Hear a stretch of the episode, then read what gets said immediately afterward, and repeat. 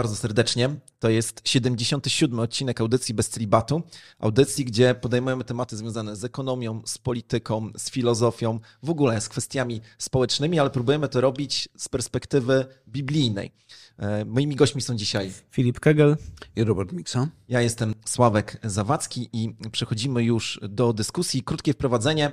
Inspiracją do przygotowania tego odcinka był inny podcast, podcast, który nazywa się Dział Zagraniczny, którego Gospodarzem i pomysłodawcą jest Maciej Okraszewski. Maciej Okraszewski kilka odcinków temu zaprosił do swojego podcastu, podcastu Bartosza Wójcika i razem rozmawiali o tym, co się w tej chwili dzieje na Karaibach. Zachęcamy do tego, żeby ten odcinek e, odsłuchać, a ja przechodzę do krótkiego podsumowania. E, Barbados, jedno z państw karaibskich, od XVII wieku było, było częścią kolonii brytyjskiej i właściwie od samego początku było tam kultywowane niewolnictwo. Na Barbadosie e, hodowano trzcinę cukrową i wykorzystywano do tego niewolników i oczywiście korzyści finansowe płynęły wielkim strumieniem właśnie do stolicy Imperium Brytyjskiego. E, w 1966 roku, to ważna data dla Barbadosu, Barbados odłączył się od metropolii brytyjskiej. Oczywiście niewolnictwo wcześniej zostało tam zabronione, jak w całym Imperium Brytyjskim. W tysiąc, dopiero w 2021 roku Barbados zerwał unię personalną z Anglią. Królowa Elżbieta przestała być królową Barbadosu. Dlaczego o tym wszystkim mówimy? Mówimy o tym dlatego, że dzisiaj bardzo dużo bogactwa brytyjskiego pochodzi z tego, że brytyjskie rodziny wykorzystywały, niektórzy mówią, że mordowały niewolników właśnie na Barbadosie i na innych wyspach karaibskich. Kilka przykładów. Takim bardzo znanym i głośnym brytyjskim przykładem jest mężczyzna, który nazywa się Richard Drax, który jest parlamentarzystą brytyjskim, który najbogatszym parlamentarzystą brytyjskim. Jego majątek wyceniany jest na 150 milionów funtów i niektórzy mówią, że nie jest to cały majątek, bo ma dużo majątku ukrytego, e, chociaż jest to tylko już wyłącznie domysł. Rodzina Draxów do dzisiaj posiada e, tereny produkcję trzciny cukrowej na terenie Barbadosu. Do dzisiaj czerpie korzyści. I dzisiaj oczywiście nie wzbudza to już e, niepokojów niemoralnych co do tej obecnej działalności, no ale właśnie, przecież ta rodzina wzbogaciła się na tym, że kiedyś wykorzystywała E, niewolników. Zresztą potomko, przodkowie Draxów przygotowali coś takiego jak kodeks traktowania niewolników. To spod ich pióra wyszło e, pismo, czy cały taki dokument, który mówił, jak karać niewolników, e, jak ich wykorzystywać. Na terenach Draxów zginęło prawdopodobnie około 30 tysięcy osób w wyniku tego, że byli właśnie traktowani jak niewolnicy.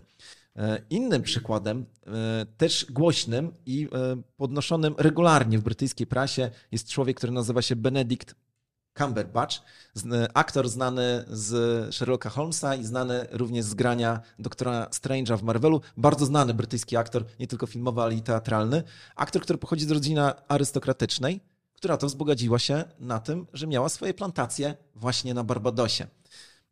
Kiedy spojrzymy na okres wielkiej rewolucji przemysłowej i budynki, które powstawały w Wielkiej Brytanii, budynki, które dzisiaj są e, wielkimi perłami architektury, wykorzystywane są e, jako budynki użyteczności publicznej, no to one powstały z, tego powodu, czy majątek, czy kapitał, który był potrzebny, żeby stworzyć te, zbudować te budynki, e, wynikał właśnie z tego, że były plantacje trzciny cukrowej i było niewolnictwo na terenach karaibskich.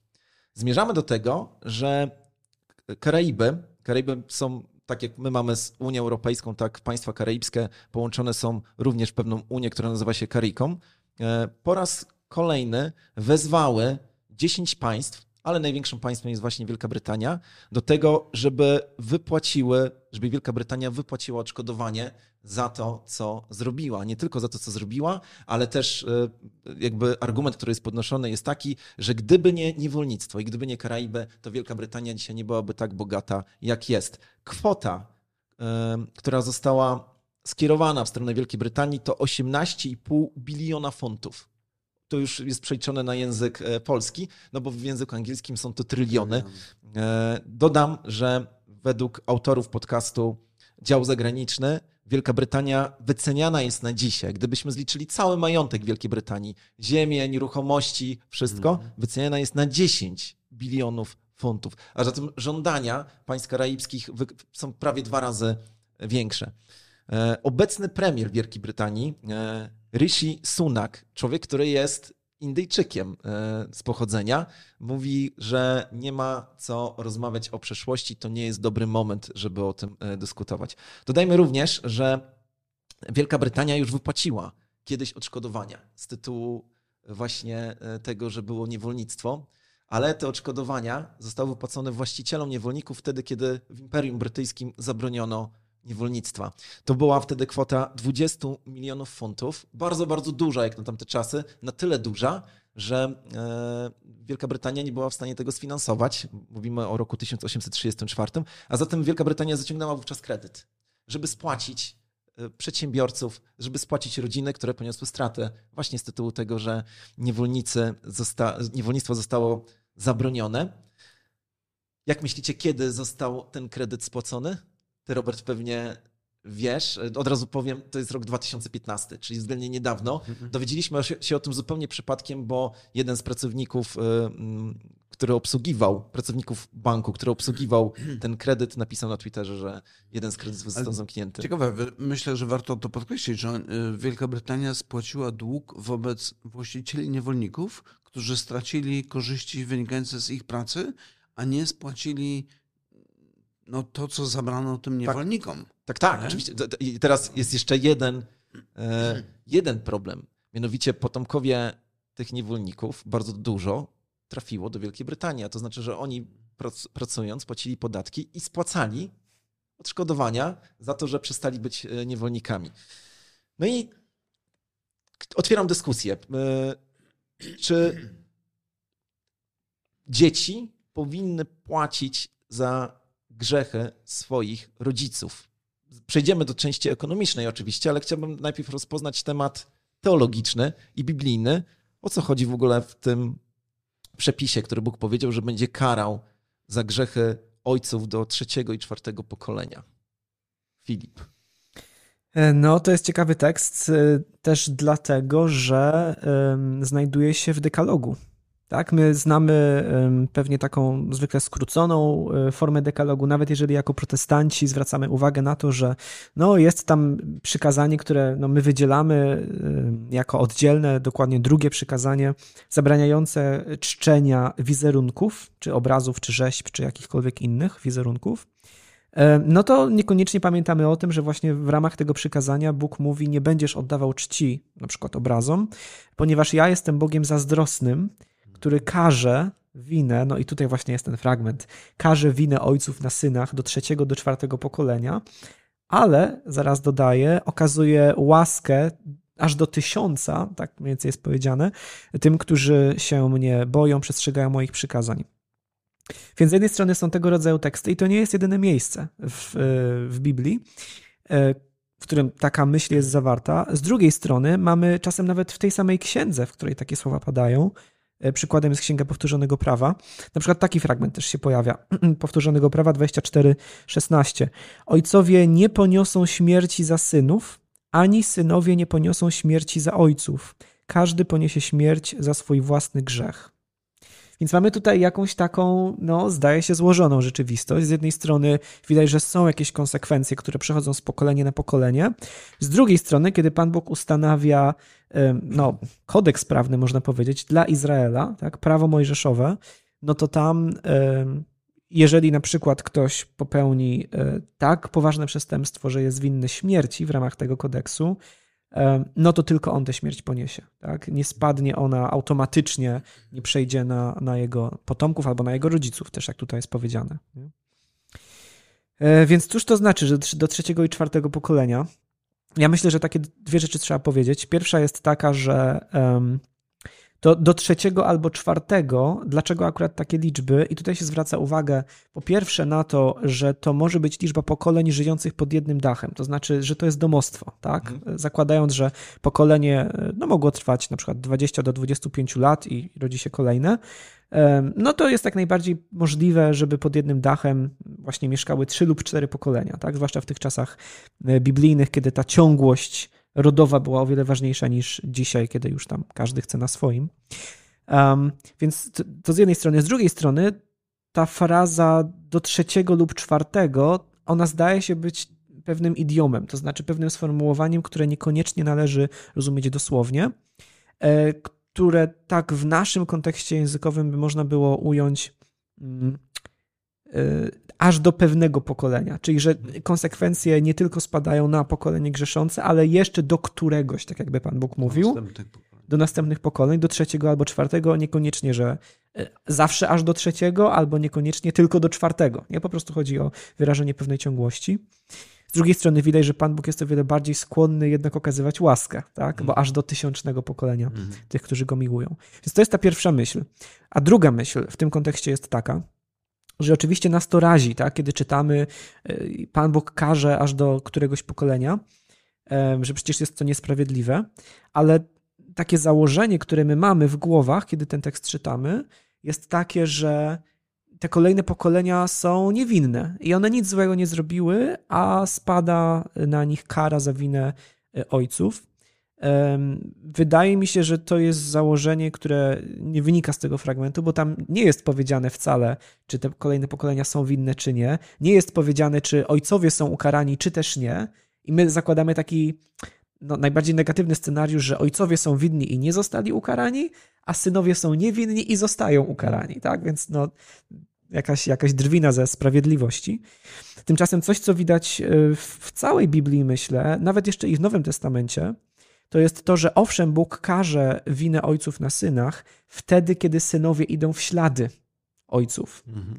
I, I rzeczywiście jest tak, że kiedy na przykład e, grzeszy Izrael w Starym Testamencie, kiedy grzeszy Juda, i następnie przychodzi kolejne pokolenie i ono zamiast się opamiętać, a Bóg daje im szansę, przecież mógłby ten naród zniszczyć w jednej chwili, ale daje szansę na opamiętanie. Ale kolejne pokolenie nie chce się opamiętać, ale jeszcze brnie w te winy ojców, to Pan Bóg mówi, wy sobie nagromadziliście gniew, wy sobie nagromadziliście sąd. Zostaniecie ukarani za własne grzechy, za grzechy waszych ojców, bo wy no tak mówiąc przewrotnie, doprowadzacie do doskonałości dzieło waszych ojców, mhm. postępując jeszcze gorzej. Więc wtedy tak, rzeczywiście jest karana wina ojców e, na synach. Ale jeżeli ktoś odcina się od tego grzesznego postępowania poprzednich pokoleń, no wydaje, to Pan Bóg odpuszcza. Tak, że Ezechiel chyba mówi wprost o tym. Mówi, jeżeli będziecie przestrzegali e, mojego prawa, moich sabatów i tego wszystkiego, co wam przykazałem, to nie będę na was realizował tej zasady. Dzieci nie będą cierpiały, te, które żyją zgodnie z moim prawem, z moimi zasadami, nie będą pociągane do odpowiedzialności za grzechy swoich ojców. Tak. I jeszcze jeden przykład bym dał nawet, e, kiedy Pan Bóg mówi te słowa, no to mamy czasy, kiedy Izrael wychodzi z Egiptu e, i potem mamy cały, całą, całą tą grupę wszystkich, którzy wyszli, widzimy, że oni nie wchodzą do ziemi obiecanej, ale ich ciała zasłały pustynię, jak to opowiada apostoł Paweł.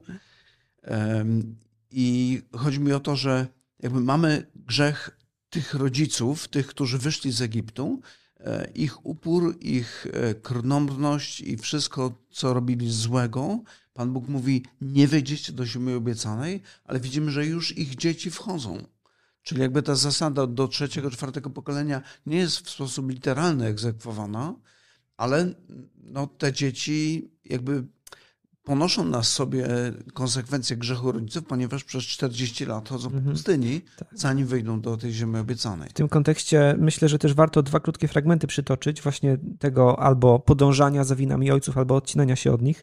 Jeden to jest Księga Kapłańska, kiedy Pan Bóg zapowiada, jakie konsekwencje spotkają tych, którzy łamią Jego przymierze, łamią Jego przykazania, no i wymienia wszystkie y, kary, które na Izrael spadną ale jest też powiedziane potem coś takiego, to jest Księga Kapłańska, 26 rozdział.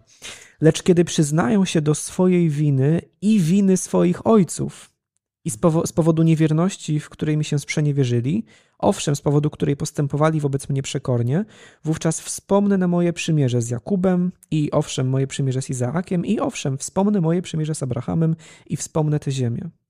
Ta sama myśl Księga Daniela to jest modlitwa już e, po takim właśnie okresie, kiedy Izrael poniósł te konsekwencje. Panie, według wszelkiej Twojej sprawiedliwości, niech odwróci się, prosimy, Twój gniew i Twoje wzburzenie od Twojego miasta Jerozolimy, od Twojej świętej góry, gdyż z powodu naszych grzechów i win naszych ojców, Jerozolima wraz z Twoim ludem została wydana na hańbę wszystkim, którzy nas otaczają. Więc dokładnie ta myśl tutaj jest, nie? że jeżeli idziemy w ślady naszych grzeszących ojców, no to my wręcz gromadzimy sobie ten gniew, jeszcze mhm. za ich winę odpowiadamy. Natomiast jeżeli wyznajemy, to odcinamy się od tego. Pan Bóg zawsze jest gotów odpuścić, przebaczyć, przyjąć na nowo.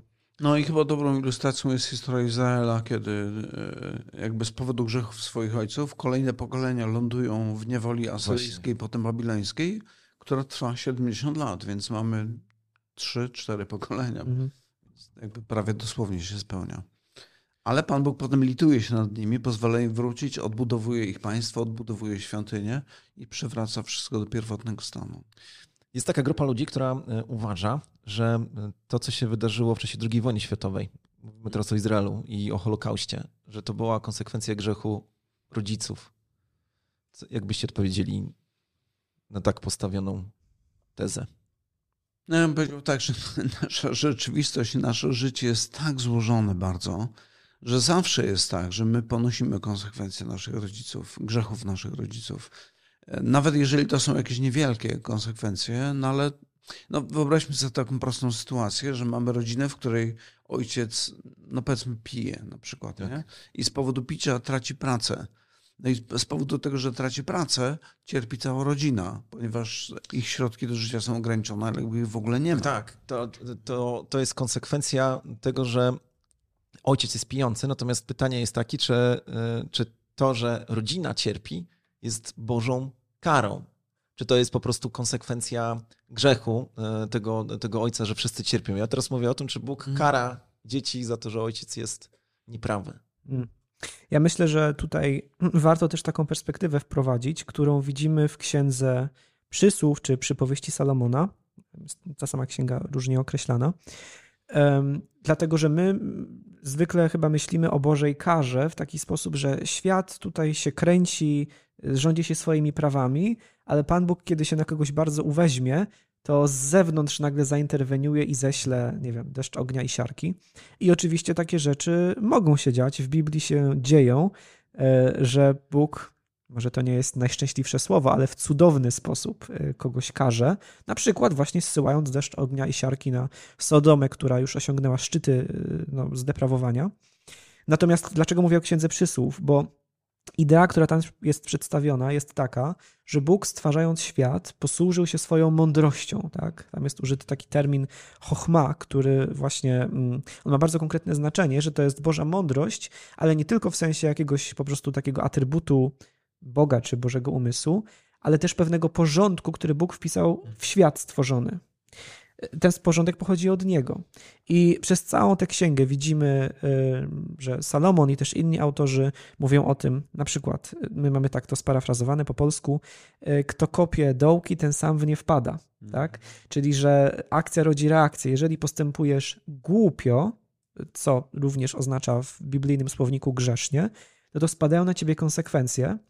I to nie jest tak, że one są niezależne od, od Boga, one wynikają z porządku, który Bóg ustanowił. Y, wynikają z tej mądrości, którą Bóg wpisał w porządek stworzony.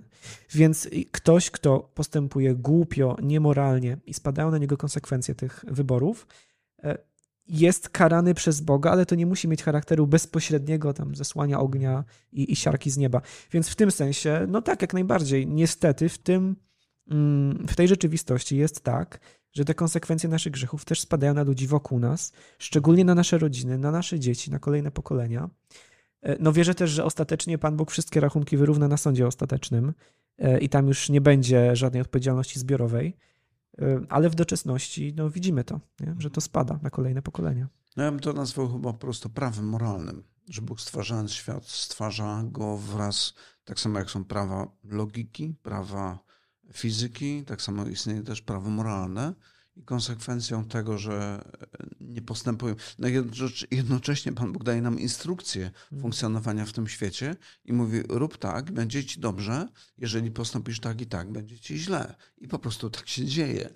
I później te związki są już tak skomplikowane, że trudno jest palcem pokazać: o, tutaj, w tym miejscu jest przyczyna tego całego zła. Mhm. No to jakbyśmy tak chcieli patrzeć, no to trzeba powiedzieć: tutaj w ogrodzie Eden, wtedy no kiedy tak. Adam i Ewa tak. zgrzeszyli. To tam jest początek. W tym kontekście mi też się nasunęła teraz taka myśl, że no właśnie czytając Księgę Przysłów możemy sobie pomyśleć, no ale chwila, przecież to tak niekoniecznie działa. To znaczy, to nie jest zawsze tak, że ktoś, kto grzeszy, no, ponosi takie doczesne konsekwencje i, i popada w nędzę i tak dalej, a ktoś, kto jest pobożny, sprawiedliwy, opływa w bogactwa. A, a są fragmenty takie, zdaje się, bardzo bezpośrednio o tym mówiące w Księdze Przysłów. Ale potem na scenie pojawiają się też te pozostałe księgi mądrościowe Starego Testamentu, e, na przykład Księga Hioba, e, albo Księga Kocheleta, czy Kaznodziei Salomona. I one ten obraz troszeczkę pewne niuanse wprowadzają, tak? Zwłaszcza Księga Joba jest przykładem, e, no, obrazuje człowieka, który cierpi niewinnie, niezasłużenie. Więc myślę sobie, no właśnie z jednej strony jest tak, jest to prawda, że jest akcja i reakcja, że są wybory i są konsekwencje tych wyborów i to są rzeczywiście działające zasady i w Księdze Przysłów to widzimy, ale z drugiej strony jest też tak, że gdybyśmy chcieli te zasady teraz przełożyć na, na to, co widzimy dookoła w taki sposób, że a, jeżeli osoba X cierpi, to znaczy, że osoba X popełniła jakiś ciężki grzech w ciągu ostatnich 10 mhm, lat, tak. no to Księga Joba wyraźnie mówi, no nie, to nie jest właściwe zastosowanie, tak? Te zasady rzeczywiście działają, ale, ale nie da się ich odnaleźć. wprowadzają pewne niuanse. Jak widzą ślepego od urodzenia, to mówią, Panie Jezu, czy on zgrzeszył, czy jego rodzice? Tak. Więc też jakby rozszerzają zakres możliwych konsekwencji, znaczy możliwych źródeł przyczyn e, tego stanu. No, żyjemy w świecie, który jest upadły, zbudowany przeciwko Bożemu prawu. Przejdźmy na scenę polityczną, czy w kwestie polityczne. Załóżmy, że jesteście sędziami jakiegoś trybunału, który właśnie bada spór pomiędzy Wielką Brytanią a Barbadosem. I waszym jedynym kodeksem, który w tej chwili macie, jest po prostu Biblia. I musicie teraz wydać wyrok. Czy według was Wielka Brytania powinna zapłacić te odszkodowania, czy nie powinna? Dodam, że te pieniądze bo to może trochę uprościć odpowiedź, nie mają być e, skierowane do prywatnych kieszeni ludzi, którzy e, są potomkami niewolników, tylko to ma być taki karaibski plan Marszala. Ma być inwestycja w edukację, w infrastrukturę drogową, w przemysł. Jak byście, jaki byście wyrok tutaj podjęli? No, sprawa jest prosta. Ja oczywiście żartuję sobie. E nie wiem. To znaczy tak, myślę, myślę tak, że naturalnie, tak chyba intuicja nawet nam podpowiada, że e, krzywda, krzywdzie powinno stać się zadość. I przykładem takim biblijnym mamy Zacheusza, tego celnika, który był e, prawdopodobnie okrutny, zdzierał tam, gdzie tylko dało się wyciągnąć więcej niż prawo pozwalało i był niesprawiedliwy. I w momencie, kiedy on się nawraca, i myślę, że to jest ważny element tutaj, w momencie, kiedy Zacheusz poznaje Jezusa i, i chce pójść za nim, chce w pewnym sensie, powiedzielibyśmy, zostać jego uczniem, mówi: Panie, jestem gotowy oddać połowę majątku ubogim, a jeżeli wymusiłem coś na kimś, to oddać ilośkrotnie to, co powinienem, ponieważ to nie jest moje. Więc jakby ta sytuacja pokazuje mi taki obraz, że to, to prawo moralne, w którym żyjemy w tym świecie, jest takie, że krzywdę należy naprawić. W jaki sposób? No to wiadomo, diabeł tkwi w szczegółach, więc to będzie skomplikowane.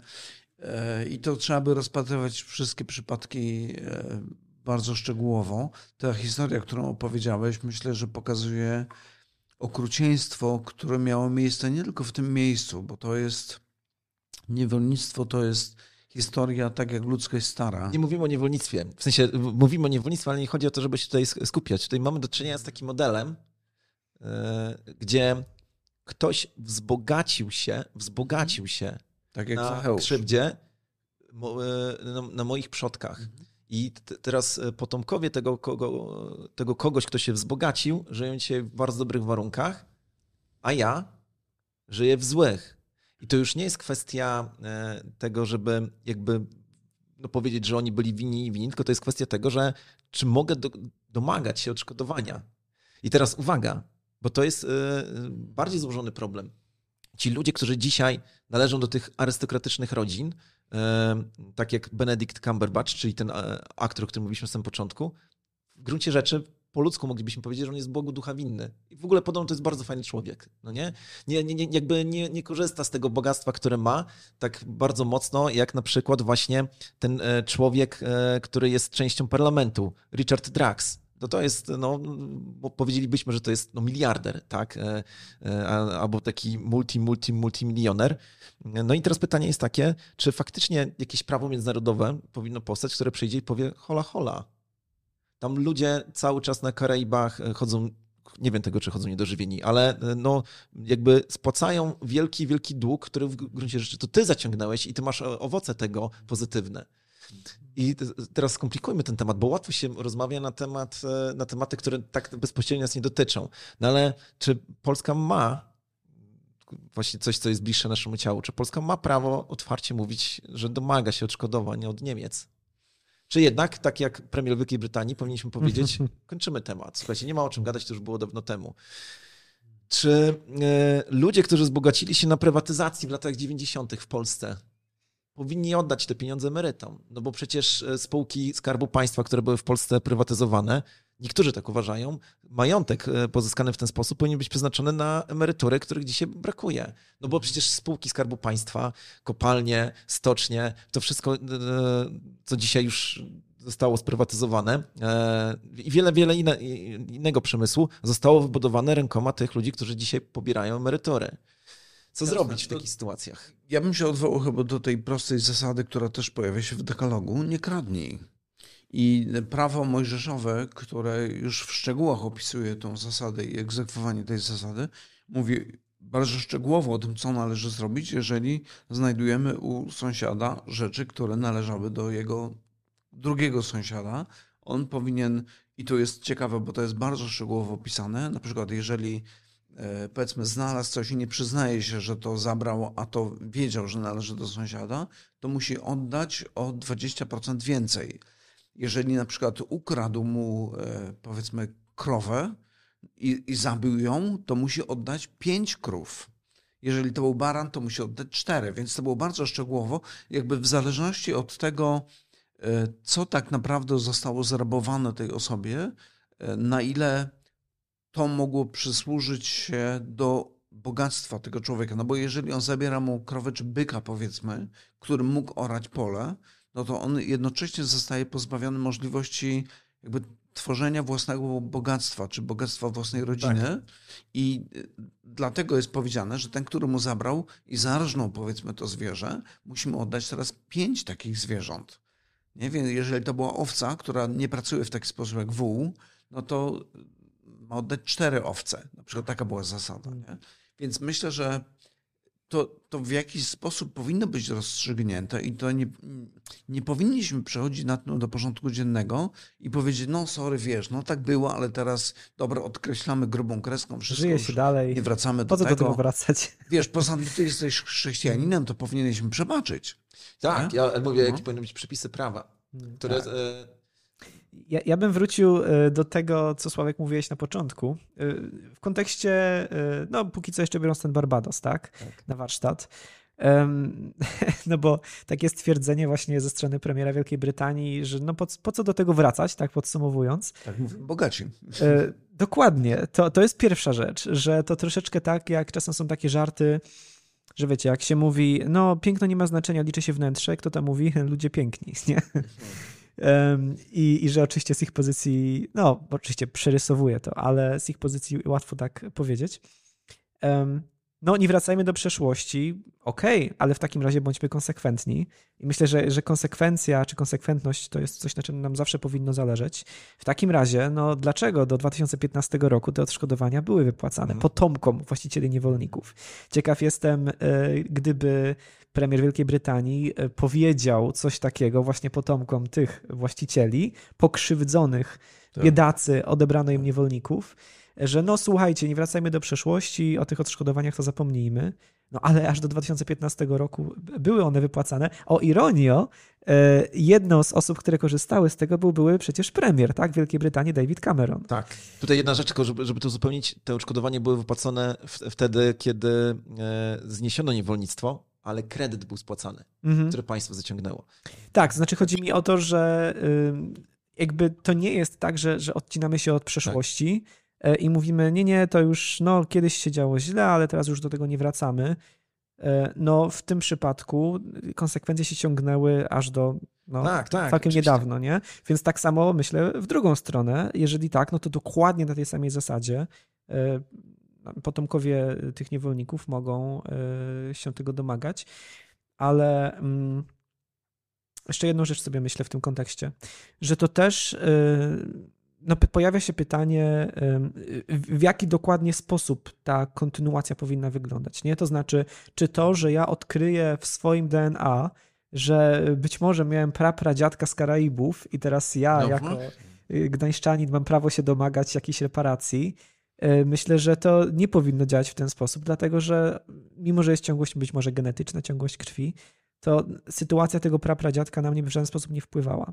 Ale jeżeli mówimy o takim Barbadosie, no to mamy no, no, bardzo konkretną ciągłość, tak? Ciągłość w tym przypadku państwową na przykład. Tak. Mamy ciągłość państwową w postaci Wielkiej Brytanii yy, i mamy ciągłość państwową, no oczywiście dopiero w pewnym momencie Barbados stał się państwem niepodległym, ale mamy ciągłość i, i konsekwencje są na bardzo konkretnych przykładach odczuwane do dzisiaj.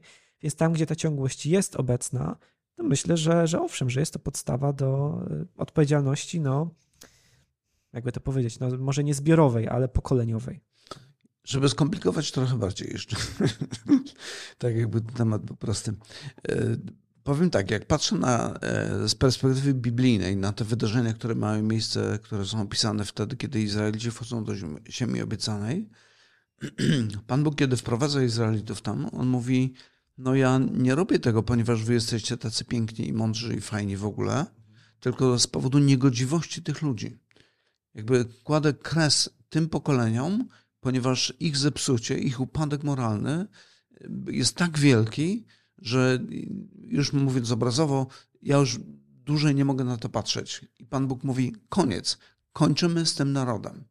Więc chodzi o to, że jakby, bo, bo mówimy, zobaczcie, o, o prawie moralnym do odszkodowań, ale jednocześnie musimy spojrzeć z drugiej strony, e, no wiadomo, że niewolnictwo jest związane z przemocą, nadużyciami i niesprawiedliwością, ale czasami jest tak, że pewien kraj upada albo pewne pokolenia upadają z powodu ich własnych grzechów, z powodu ich zepsucia, z powodu ich głupoty, z powodu braku rozsądku, z powodu błędnych i głupich absolutnie decyzji, które podejmują, ich państwo podupada, podupadają rodziny, które mieszkają w tym kraju i kolejne pokolenia cierpią z tego powodu.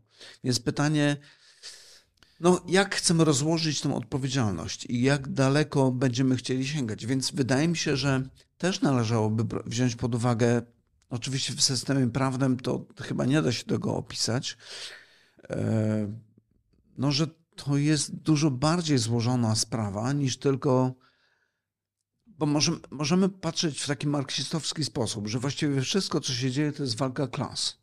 Mhm. E, są bogaci, którzy tak. bogacą się kosztem biednych, więc ci biedniej, na przykład, i to mamy taki case teraz w Stanach Zjednoczonych, kiedy wystarczy, że jesteś czarnoskórym, tak. od razu wyciągasz rękę, dawajcie mi, bo moi przodkowie byli niewolnikami i wy się bogaciliście, wy biali wszyscy, wszyscy. bogaciliście się pracą moich przodków, tak. więc teraz wy mi dawajcie pieniądze.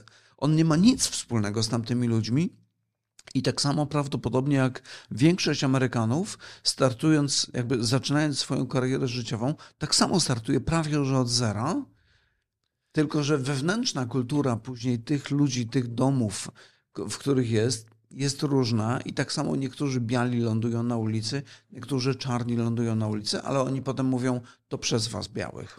No, znaczy, yy, oczywiście, jeżeli ktoś mm, obciąża innych za jakby swoje życiowe porażki, to, to myślę, że to jest błąd. Natomiast trzeba też w obronie na przykład hmm. ludzi czarnoskórych powiedzieć, że oni rodzili się w dzielnicach, w których ciężko było się rozwijać, w których jeżeli chciałeś przetrwać, to musiałeś po prostu handlować narkotykami, bo inaczej nie, miał, hmm. nie, nie przyniesiesz pieniędzy do domu.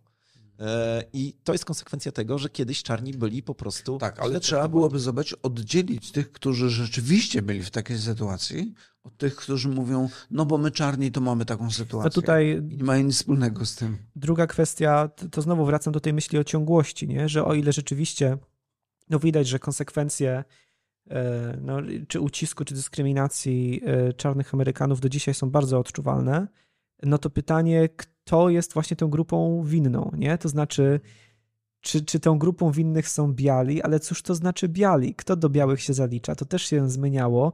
E, imigranci przybywający z Europy Wschodniej, gdzieś tam powiedzmy w pierwszej połowie XX wieku, no też można powiedzieć, to są biali, chociaż nie było wcale aż tak oczywiste, czy są do tej grupy na początku tam zaliczani. No to teraz, czy oni też ponoszą odpowiedzialność, jakby tak. gdzie jest ta ciągłość, nie? I o ile, tak jak właśnie mówiłem o, o Wielkiej Brytanii i Barbadosie, tutaj o wiele trudniej by było tego dowodzić. Więc no ja zawsze się boję takiego podchodzenia zero-jedynkowego, że aha, no skoro jak reparacja, to reparacja, to teraz wszystkim płaćmy bez wyjątku hojnie no. i wszystko jest jasne. No nie jest tak. W przypadku Barbadosa to jest akurat dla mnie bardzo, bardzo ważne, że te pieniądze, które zostaną pozyskane, jeżeli zostaną w ogóle jeżeli. pozyskane, no bo właśnie, bo to jest ten, one mają pójść na infrastrukturę. Mhm. Czyli nie, jakby nikt nie ma się na tym wzbogacić. E, zakładam, że nie będzie korupcji tam wtedy, kiedy ta infrastruktura będzie budowana, tylko ma e, wzbogacić się jakby państwo, dając tak naprawdę lepsze życie obywatelom. Mhm. I to tak, tak naprawdę nie tym obywatelom, którzy teraz tam żyją, tylko ich potomkom. Mhm. Więc w tym względzie wydaje mi się, że jest, że no, sprawiedliwe byłoby, żeby Wielka Brytania partycypowała w odbudowie, czy jakby w szybszym rozwoju. Jeszcze mogę trochę tak. skomplikować. Chodzi mi o, o, takie sytuacje, kiedy właśnie jak mówiliśmy o dawaniu pieniędzy bezpośrednio jakimś osobom, które poczuwają się do tego, że są pokrzywdzeni, to przypomina mi się zasady, o których mówi Salomon. Mówi tak, daj mądremu, to będzie jeszcze mądrzejszy. Daj mądremu, to będzie miało jeszcze więcej. Daj głupiemu, to to zmarnuje. Tak. I nawet jeżeli dałbyś mu y, nie wiadomo ile pieniędzy, mógłby za to nabyć mądrości, ale nie ma na to rozumu. Więc on po prostu zmarnuje pieniądze i dalej będzie biedny. Nie z powodu tego, że mu dali za mało, tylko dlatego, że jest głupi. Tak. Więc to jest bardzo złożona to... sytuacja. Więc ten pomysł z tą infrastrukturą wydaje mi się, że jest bardzo sensowny. Nie? Tak, i to często, ja myślę, nawet nie musi być, chociaż często też jest, ale niekoniecznie musi być kwestia nawet mądrości i głupoty, w sensie czegoś, co możemy oceniać moralnie, tylko no po prostu y, ktoś, czy to jednostka, czy, czy grupa, czy choćby i kraj, y, kto nie dysponował takimi dużymi środkami przez wiele lat, nagle miałby je otrzymać i nimi gospodarować, tak. no po prostu nie jest tego nauczony. I to nie jest kwestia patrzenia na, nie, na niego z góry, no ale zdrowej oceny rzeczywistości, tak? że, że gospodarności też trzeba się uczyć. Więc taki no już wchodzimy na nieco inny grunt, ale taki transfer społeczny o charakterze międzynarodowym, no wręcz mógłby się okazać destrukcyjny, tak? No to... Gdyby to po prostu było wrzucenie pieniędzy do kieszeni każdego Zakładamy, obywatela. Tak. Natomiast jeżeli to jest rzeczywiście rozwój na przykład infrastruktury, e, instytucji edukacyjnych i tak dalej, no to to jest zupełnie co innego. Wiesz, można by na przykład dać dużo pieniędzy do strefy gazy.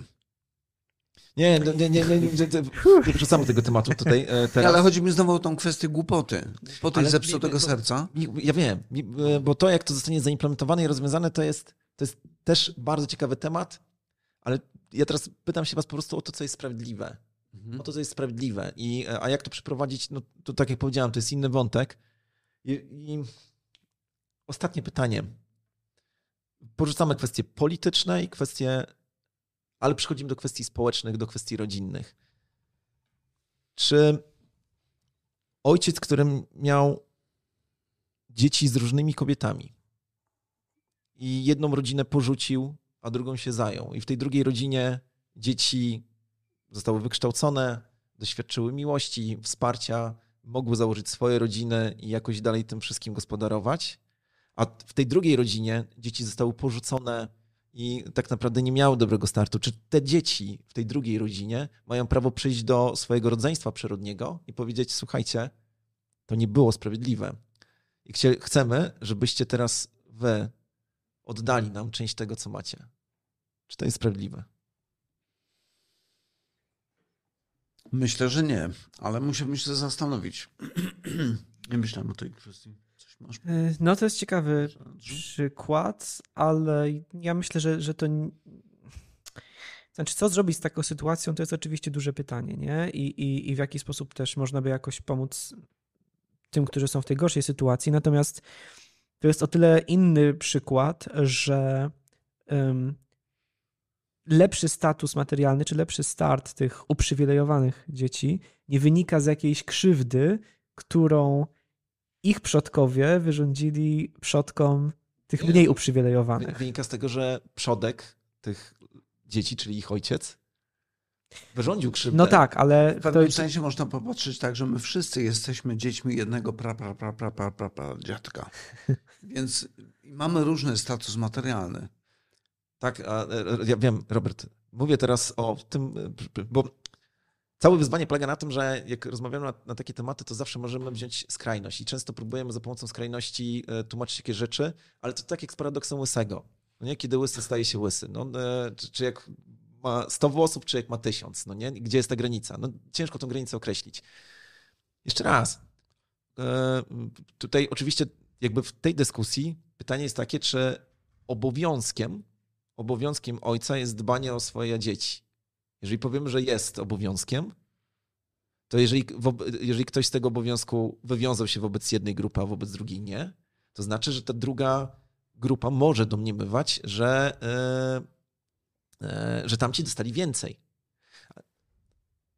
No tak, tylko pytanie w jakim stopniu. Oczywiście my możemy stwierdzić, że to było niesprawiedliwe dla tych gorzej traktowanych dzieci, tylko w jakim stopniu to powinno być yy, opisane przez prawo. Nie? To znaczy, w jakim stopniu, oczywiście możemy stwierdzić, no, te, to, to, to bardziej uprzywilejowane rodzeństwo może się poczuwać do odpowiedzialności za braci i siostry, nawet przyrodnich, no bo to jest jednak rodzina, ale czy to znaczy, że powinniśmy to teraz przepisem uregulować, nie? I myślę, że w tych przypadkach, które są jasne, przepisy są potrzebne, ale kiedy wchodzimy w te strefy szarości, no to nie da się przepisami wyznaczyć zawsze tej jasnej granicy i wszystkim wszystko zwrócić, żeby było uczciwie. No po prostu się nie da, nie? Zwłaszcza, że to są nawet kwestie, e, no nie dające się czasem przełożyć na liczby, e, no bo co jeżeli to, to nie jest kwestia pieniędzy, ale tego, że ten ojciec poświęcał mniej uwagi, mniej kochał, mniej czasu e, inwestował w te dzieci, jak obliczyć wartość tego, nie? Dawno przykład y, z jednej książki, którą dawno temu czytałem, chyba Lasy Wieczne Szumiały, czy jakoś taki był tytuł. Tam jest taka sytuacja, kiedy bogaty gospodarz, już nie pamiętam co się dzieje, ale postanawia darować długi swoim ludziom, którzy pracowali dla niego. Jednemu daruje tam powiedzmy tysiąc jakichś tam jednostek monetarnych, drugiemu 500, trzeciemu 2000 i ten, któremu darowano 500 przychodzi do niego i mówi, ta rozmowa jest trochę dłuższa, ale mówi generalnie, puenta jest taka, no wiesz, mi darowałeś tylko 500, a jemu darowałeś aż 1000, więc ja mam gorzej niż on. Tak, ale to jest... Więc nie wiem, czy to nie jest taka sama przewrotność. Hmm. To jest w sensie, w sensie formalnym, no. matematycznym, mamy tutaj oczywiście równość, ale w sensie sprawiedliwościowym, no nie. No bo ist- rzeczywiście istnieje powinność rodziców w stosunku do dzieci, tak. nie? Mhm. Więc, więc to jest jednak różnica. Dobra, panowie, ponieważ rozmawiamy już chyba długo, no to musimy kończyć. Nie zadałem wam innych ciekawych pytań, to zostawię na jakiś inny odcinek. Chciałem się na przykład dowiedzieć, czy polscy baptyści mają prawo domagać się zwrotu ziem, e, które zostały zabrane. E, a które na przykład... No nie tylko baptyści, protestanci, znaczy w ogóle Kościół. Tak, no, no Kościół, ale nie, nie, niektóre, niektóre obiekty baptystyczne należą na przykład dzisiaj do Kościoła katolickiego. Tak. To jest pytanie, jak to rozwiązać, ale Napiszcie proszę w komentarzach wszyscy ci, którzy nas w tej chwili oglądacie. Pamiętajcie, ocencie te, ten, koment, e, ten odcinek w skali od 1 do 6. Komentujcie, udostępniajcie, dawajcie łapki w górę. Dzięki temu mamy szansę dotrzeć do czegoś, co się tak szumnie nazywa mainstreamem. A jeżeli nie będziecie komentowali, udostępniali i łapkowali w, w górę, no to tak naprawdę e, to, co my tutaj mówimy, będzie tylko i wyłącznie w naszym gronie. Czy chcielibyście coś dodać, panowie, na koniec?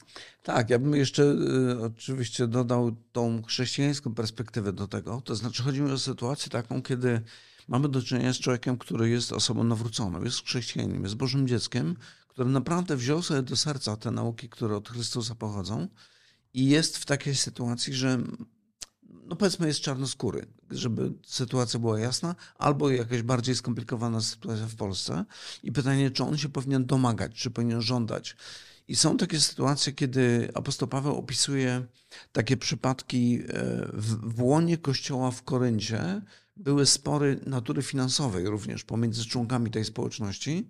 I apostoł Paweł mówi, wiecie co, to, że wy się kłócicie o te rzeczy, to przynosi wam wstyd Dlaczego raczej krzywdy nie cierpicie? Dlaczego raczej nie, nie okazujecie takiego miłosierdzia, jakie wam Chrystus okazał? Więc myślę sobie, że ta, ta biblijna czy ta ewangeliczna perspektywa jest taka, że napomina nas do tego, żebyśmy żyli w sposób skromny, powściągliwie, nie rozbudzali swoich emocji w taki sposób, e, no, że chciwość będzie panem naszego życia, ale raczej byśmy byli podobni do Chrystusa, który rezygnuje ze wszystkiego, z całego swojego bogactwa dla nas, żeby nam to dać. Więc my raczej powinniśmy jako chrześcijanie we wszystkich możliwych strefach, na, sferach naszego życia być tymi, którzy dają i ubogacają innych, niż myślą o sobie po to, żeby mieć jak najwięcej. E, to ja podpisując się pod tą myślą i jeszcze rozwijając jednym zdaniem, myślę, e, jest to e, z jednej strony wezwanie właśnie płynące z Ewangelii do tych, którzy zostali pokrzywdzeni, aby byli gotowi przebaczać i odpuszczać. Z drugiej strony myślę, tak samo z Ewangelii płynie wezwanie do tych, którzy odkrywają, że pokrzywdzili kogoś, żeby jeszcze dwójnasób, trójnasób tak. wynagrodzili jak wszystkim, Zacheusz. których skrzywdzili, jak Zacheusz. Panowie, bardzo dziękuję. Myślę, że to był ciekawy odcinek. E, wszystkich tych, którzy nas oglądają, zapraszamy do obejrzenia kolejnego odcinka. Napiszcie w komentarzu, może o czym powinniśmy porozmawiać. Wszystkiego dobrego. Do zobaczenia. Do zobaczenia. Hej.